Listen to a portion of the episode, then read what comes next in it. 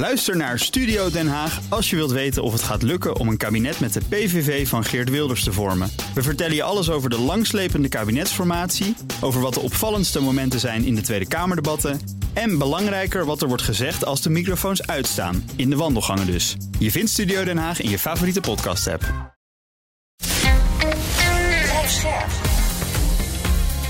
BNR Nieuwsradio.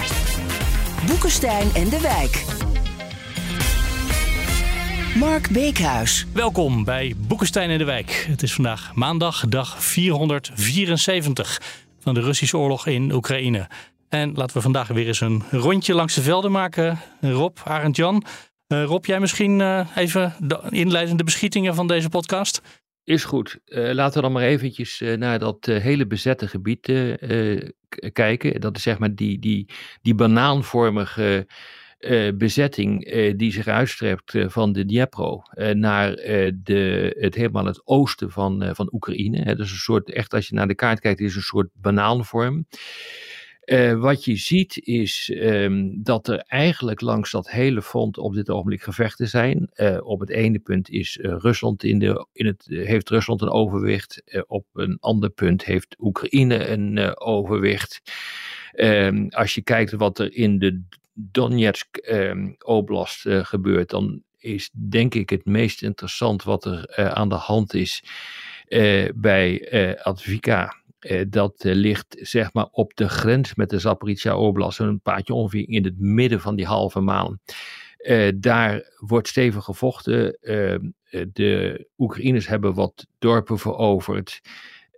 maar aan de andere kant, ja, weet je, er zijn toch nauwelijks vorderingen. Het is, een, het is 100 meter naar links, 100 meter naar rechts. Sommigen spreken van een kilometer, maar het is niet, niet heel veel. Ga je dan verder naar het westen, uh, dan kom je bij Origiv uh, uit. Um, dat ligt echt zeg maar in die Zaporizhia oblast. En dat is wel een heel belangrijk punt wat daar gebeurt. Daar wordt ook stevig gevochten. Ook daar zijn beperkte vorderingen uh, van uh, Oekraïne waarneembaar. En wat je ziet, en daarom heb ik net ook dit genoemd, maar je moet eigenlijk ook nog even naar Bakmoed kijken. Die, want ook daar wordt gevochten en ook daar zie je dat. Um, Oekraïne toch kleine vorderingen maakt en dat dat wel serieus is. Um, blijkt uit het feit, en ik denk dat dat het belangrijkste nieuws is hoor, dat um, Rusland bezig is om zijn uh, beste eenheden uh, weg te halen uit de Gerson-omgeving. Uh, dus dat is ook het punt, de plek waar die damdoorbraak goed te merken is.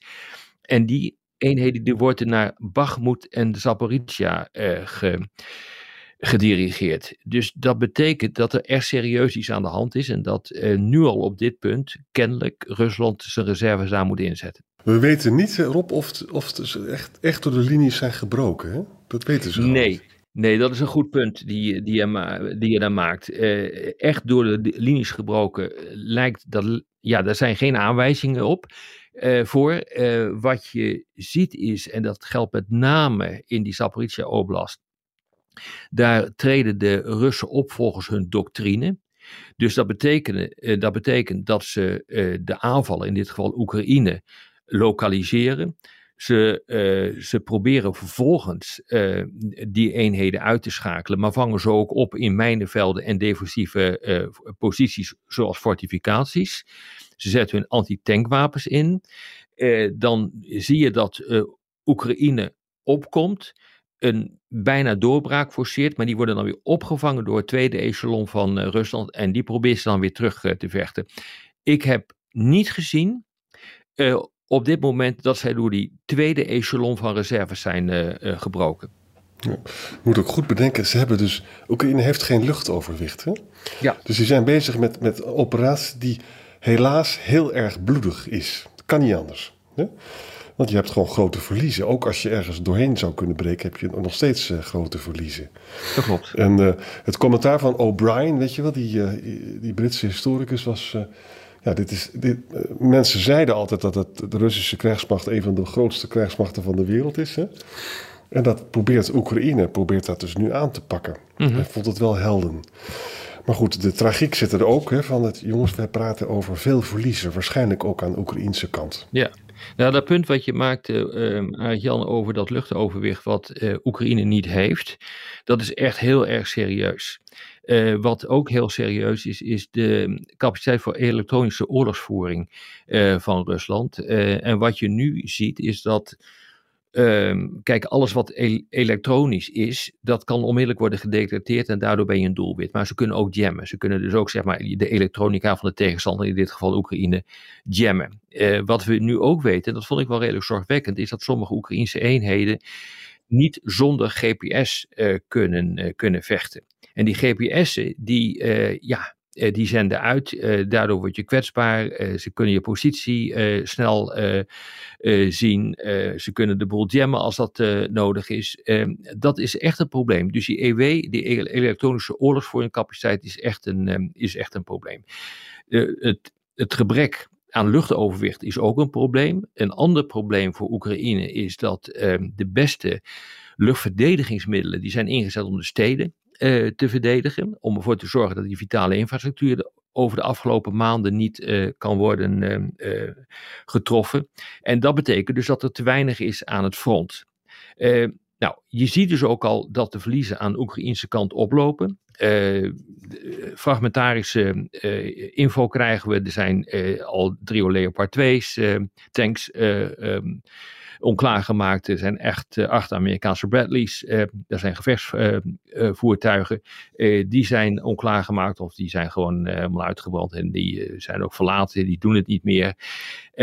met andere woorden, ja, dit is echt een hele moeilijke, hele, hele moeilijke ja, toestand voor, voor Oekraïne. Ten meer ook omdat de middelen die Rusland inzet, bijvoorbeeld de TOS 1A thermobarische bom. Nou, daar wil je niet in de buurt staan hoor. Dat is een, een bom die echt alle uh, zuurstof uh, wegzuigt uit, uh, uit gebieden, uit ehm, ondergrondse eh, plekken. wordt ingezet met artillerie. Er zijn er wat onschadelijk gemaakt door Oekraïne, maar dit is echt wel heel verschrikkelijk. En Rob, jij zei aan het begin van de oorlog altijd over Rusland, ze gaan met te weinig mensen. Je moet minstens drie keer zoveel als de tegenstander aan, ja. aan mensen bij je hebben. Hebben we een beetje zicht op aan de Oekraïnse kant of ze dat op de, op de been hebben gebracht? Nee. En het lijkt mij dat het bijna onmogelijk is dat ze zo'n drie staat tot één overwicht uh, zouden hebben. Uh, we weten dat er 300.000 uh, Russische uh, militairen gelegerd zijn langs de grens. We weten niet hoeveel reserves er zijn. Dit kan ook zijn, die 300.000 inclusief reserves. Ik denk dat eerlijk gezegd van wel op dit ogenblik. we weten dat Oekraïne een behoorlijk mobilisatiepotentieel heeft. Maar ik heb geen betrouwbare getallen gezien van Oekraïnse sterktes. Dus de precieze slachtorde, slag, orde is ook niet helemaal duidelijk. We weten het ongeveer. We weten dat de reserves eh, van beide partijen zijn gepositioneerd. Dat die, in, eh, dat die op dit ogenblik ook in beweging eh, komen. Maar als het drie staat tot één zou zijn, dan zou ehm, eh, Oekraïne 900, 900.000 soldaten in dat gebied moeten hebben. En dat lijkt mij onwaarschijnlijk. Dat lijkt mij ook. Ja. Ik kan me herinneren dat uh, Rusland met een factor 12 aan het front verscheen. Dus drie keer zoveel is ook geen garantie dat je het redt.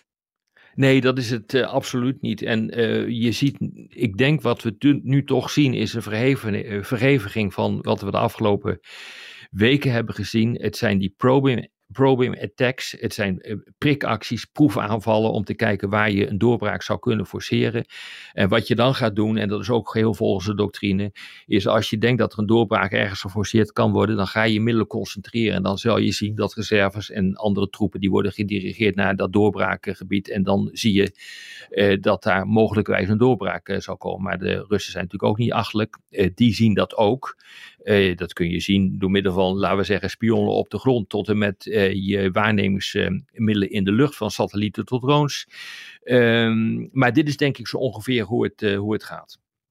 Dus als je aan het begin zei, ze hebben 100 meter opgeschoten, misschien een kilometer als het echt mee zit op sommige plekken. Ja. Is dat dan misschien zo ongeveer wat je moet verwachten van zoals dat offensief ja. nu bezig is? Ja, als je het mij vraagt, is dat ongeveer wat je kunt verwachten. En dan test je echt uh, de, de voorste linies van Rusland uh, uh, daarmee. En dan als, het, als je een zicht hebt op wat daar gebeurt, hè, dan ga je, nou er zijn allerlei grondbeginselen van militaire operaties. Een hele belangrijke is de concentratie van de middelen. Dan ga je gewoon middelen concentreren op zo'n doorbraakpunt. en kijk, wat een groot voordeel is van Rusland, is dat ze uh, eenheid van inspanning kunnen bereiken. Unity in effort. Als je ook kijkt wat er voortdurend gebeurt op dit ogenblik met Wagner, die continu uh, zand in de raderen aan het strooien is van de hele militaire machinerie aan het front. Maar dat doet Kadirov, de Tsjetsjenen-leider, doet dat feitelijk ook. Dat zie je dus aan. Oekraïnse kant niet. Dus um, het, het, het, is geen chaos op dit ogenblik aan Russische kant, voor zover ik het kan bekijken. Dat moet er wel heel goed uh, bij worden gezet, want we hebben echt gewoon misschien maar 20, 30 procent van de informatie die we zouden, uh, zouden willen hebben. Maar zoals ik het nu zie, zie je dat uh, de Oekraïners dat zeer competent doen. En zo'n figuur als Prigozhin van Wagner, die, die, die, die fietst daar maar doorheen door, dat, uh, uh, door die linies, door die voorste linies. En begint allerlei dingen te roepen en maakt het gewoon heel erg lastig om eenheid van, van inspanning te krijgen aan de Russische kant. En dat is een groot voordeel voor Oekraïne. Die man die moeten, we echt, die moeten we aanmoedigen vanuit het Westen. Een beetje helpen. Jazeker, ja, ja, absoluut. Prigozhin zegt vandaag van ja, ik wil helemaal geen contracten over wapens uh, ondertekenen met de Russische minister van Defensie. Ik wil er gewoon niks mee te maken ja. hebben. Ja. Dat is natuurlijk hopeloos. Hè? Ja, dat kan echt, natuurlijk niet. Ja, voor Oekraïne is dat mooi, maar dat, dat, dat kan natuurlijk gewoon niet. Want eh, wat ik net heb gezegd, unity en effort, eenheid van inspanning is echt cruciaal. Wil je bijvoorbeeld uh, het initiatief pakken, dat is een ander belangrijk grondbeginsel van militaire operaties, dan moet je unity en effort hebben. Dan moet je eenheid van inspanning hebben. En dan moet je uh, doelgerichtheid kunnen organiseren van uh, de inzet van je middelen. En anders, en, en je moet flexibiliteit, een ander grondbeginsel moet je kunnen organiseren. Daar, daar zijn op dit ogenblik, denk ik, voor zover ik het kan beoordelen, met veel slagen onder de arm, de Oekraïners veel beter in dan de Russen. Ja. Russen schoten zondag, jongens, nog een keer op die boten die uh, mensen redden bij Gerson. mensen aan het evacueren zijn. Vreselijk, hè? Dus nou voor de derde keer is dat gebeurd. Ja. Dus gewoon, ze stapelen inderdaad oorlogsmisdaad op oorlogsmisdaad. Daar komt het op neer, hè? Daar komt het op neer, ja. ja. dat is echt vreselijk. De VN wil uh, eigenlijk zelf het waterniveau uh, bij de Zaporizhia kerncentrale gaan controleren. Weet je, er waren van die berichten, van die geruststellende berichten, dat het wel goed zou komen. Dat ze een heel groot eigen meer nog hadden. Maar de VN vertrouwt dat niet en uh, mm -hmm. wilde naartoe. Nou, ook dat is weer allemaal heel verontrustend nieuws, waar we maanden al over praten. Hè? Ja. En misschien is er dus helemaal geen reden om daar uh, uh, geruststellend over te voelen. Maar goed. Uh, wat ik wel opmerkelijk vind, is wat ik eerder ook heb gezegd: dat dus eenheden, de beste eenheden, nu uit die regio worden weggetrokken. en die worden dus ingezet voor de strijd verderop. en dat is wel belangrijk, denk ik. Ja. Ik ben benieuwd of die, al die eenheden op tijd daar ook weg konden worden gehaald. Daar weten we niks over, hè? Ja, ik denk aan de Oekraïnse kant zeker wel. Aan de Russische kant verliep het op dat punt in ieder geval chaotisch. Ja. Ik heb nog, nog één heel ander punt. Ik weet niet of we daar aan toe zijn om dat te kunnen uh, behandelen. Voer je vrij op. Nou kijk, wat er uh, uh, eigenlijk gebeurd is een aantal dagen geleden, bijna een week geleden, dat heeft eigenlijk het nieuws niet gehaald maar dat is niet onbeduidend. Um, en dat is dat um, politiek, politici en activisten in ballingschap, Russen dus, 300 in getal, die zijn bij elkaar gekomen in Brussel. Ja. En dat is georganiseerd uh, door vier uh, um, leden van het Europees Parlement. Uh, Kodorowski kwam, uh, zat er bijvoorbeeld bij. Hè, tot tot een jaar of, nou wat is het, twintig geleden de rijkste man van, van Rusland en is in 2003 opgepakt en uh, in de bak gegooid. Uh, die zat er ook bij. En die, nou, ik, eerder heb ik in onze podcast, ik zat bij hem bij een bijeenkomst en toen zei hij van het regime moet worden vernietigd. Dat heeft hij kennelijk nu weer benadrukt. maar wat je nu ziet is dat dit soort mensen niet alleen voor de eerste keer echt georganiseerd bij elkaar komen. maar ook voor de eerste keer wordt er probeert om tot een coördinatie van standpunten te komen. En er wordt voor de eerste keer heel voorzichtig nagedacht over het post-Poetin-tijdperk. er zit natuurlijk een hoop wensdenken zit erbij, maar het gebeurt wel. Uh, dus uh, ik denk dat dit ook wel zorgwekkend is voor, um, voor Poetin. Want uh, als je bijvoorbeeld kijkt naar de Russische revolutie van ruim 100 jaar geleden, die is natuurlijk ook in het buitenland georganiseerd. Ook binnenlands, maar ook buitenlands. Want Lenin die kwam uit, wat was het ook alweer? Uh, Jan Zwitserland. Zwitserland, ja, ja, Met een dichte trein, weet je nog. Heeft het ja. beste gedaan. En de treinen in Oekraïne, die rijden nog. Dus wat dat betreft, die rijden nog, ja. Daar moet, uh... en de grens kom je ook wel over hoor, als het nodig is naar Rusland. En weet je wat het nadeel van dit soort dingen is? Mensen hebben natuurlijk het volste recht en ze hebben gelijk dat het een duivels regime heeft. Maar het perverse effect is dat het Poetin dus nog meer reden geeft om te escaleren. Hè? Ja. En dat, is, dat vind ik altijd zo verontrustend. Want hij moet er hieruit zien te komen. Hij kan het niet veroorloven dat hij wordt afgezet. En hij heeft zo'n repressief instrumentarium waarbij die mensen kan onderdrukken. Dus uh, die kan het allemaal wel vinden, maar ik zie het nog niet gebeuren. Die man, uh, ik heb proberen op te letten hoe die man beveiligd moet worden, maar dat is natuurlijk enorm. Ja. Hoeveel critici uh, van, het, van Poetin al niet uit, uit het raam zijn gegooid. Ik denk dat Kodakowski wel nummer 1 is hoor, wat dat betreft. Maar goed. Ik heb hem één keer ontmoet in Hotel d'Azin. Een hele schrandere man. Ja, zeker. Een hele schrandere man. Ja. Overigens moet ook wel bedenken dat hij ook niet helemaal op eerlijke wijze aan zijn geld is gekomen. Hè?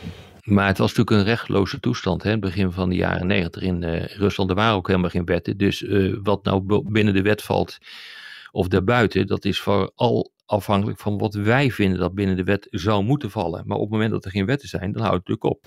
Ik kom voor 1 dollar. Maar het is gewoon een oligarch. Het is gewoon een oligarch die, uh, die in staat is geweest om voor heel weinig geld. Fabrieken te kopen. Een, uh, een maatschappij te kopen, een, een groot bedrijf te kopen. En dat helemaal heeft uitgebouwd. Ja. Okay, ik denk dat we het voor vandaag hierbij gaan laten. Al was het maar omdat jullie zo allebei richting Scheveningen moeten. Zo denk ik. Ja, ja, zeker. ik denk dat de mensen die nu luisteren misschien al te laat zijn voor tickets voor vandaag. Aan de andere kant, je weet het niet. Je weet het nooit. Hè. Het is een hele grote zaal, dus het zou best kunnen. Ik ja, weet dat is waar. En dan zijn er misschien binnenkort nog weer andere kansen, want jullie zijn vast nog niet klaar met je tournee. Nee, we gaan nog naar Zwolle toe over een week. Hier, Volgende week zondagavond uh, staan we in Zwolle. Ja, met generaal Biddendorp. Ja, dat is ook leuk hoor. De klimaatgeneraal. Ja. En morgen zitten jullie weer allebei hier. Zo is het. In de podcast. Dus uh, tot morgen. Tot, tot morgen. morgen. Ook Bas van Werven vind je in de BNR-app. Ja, je kunt live naar mij en Iwan luisteren tijdens de ochtendspits. Je krijgt een melding van Breaking News. En niet alleen onze podcast Ochtendnieuws, maar alle BNR-podcasts vind je in de app. Download nu de gratis BNR-app en blijf scherp.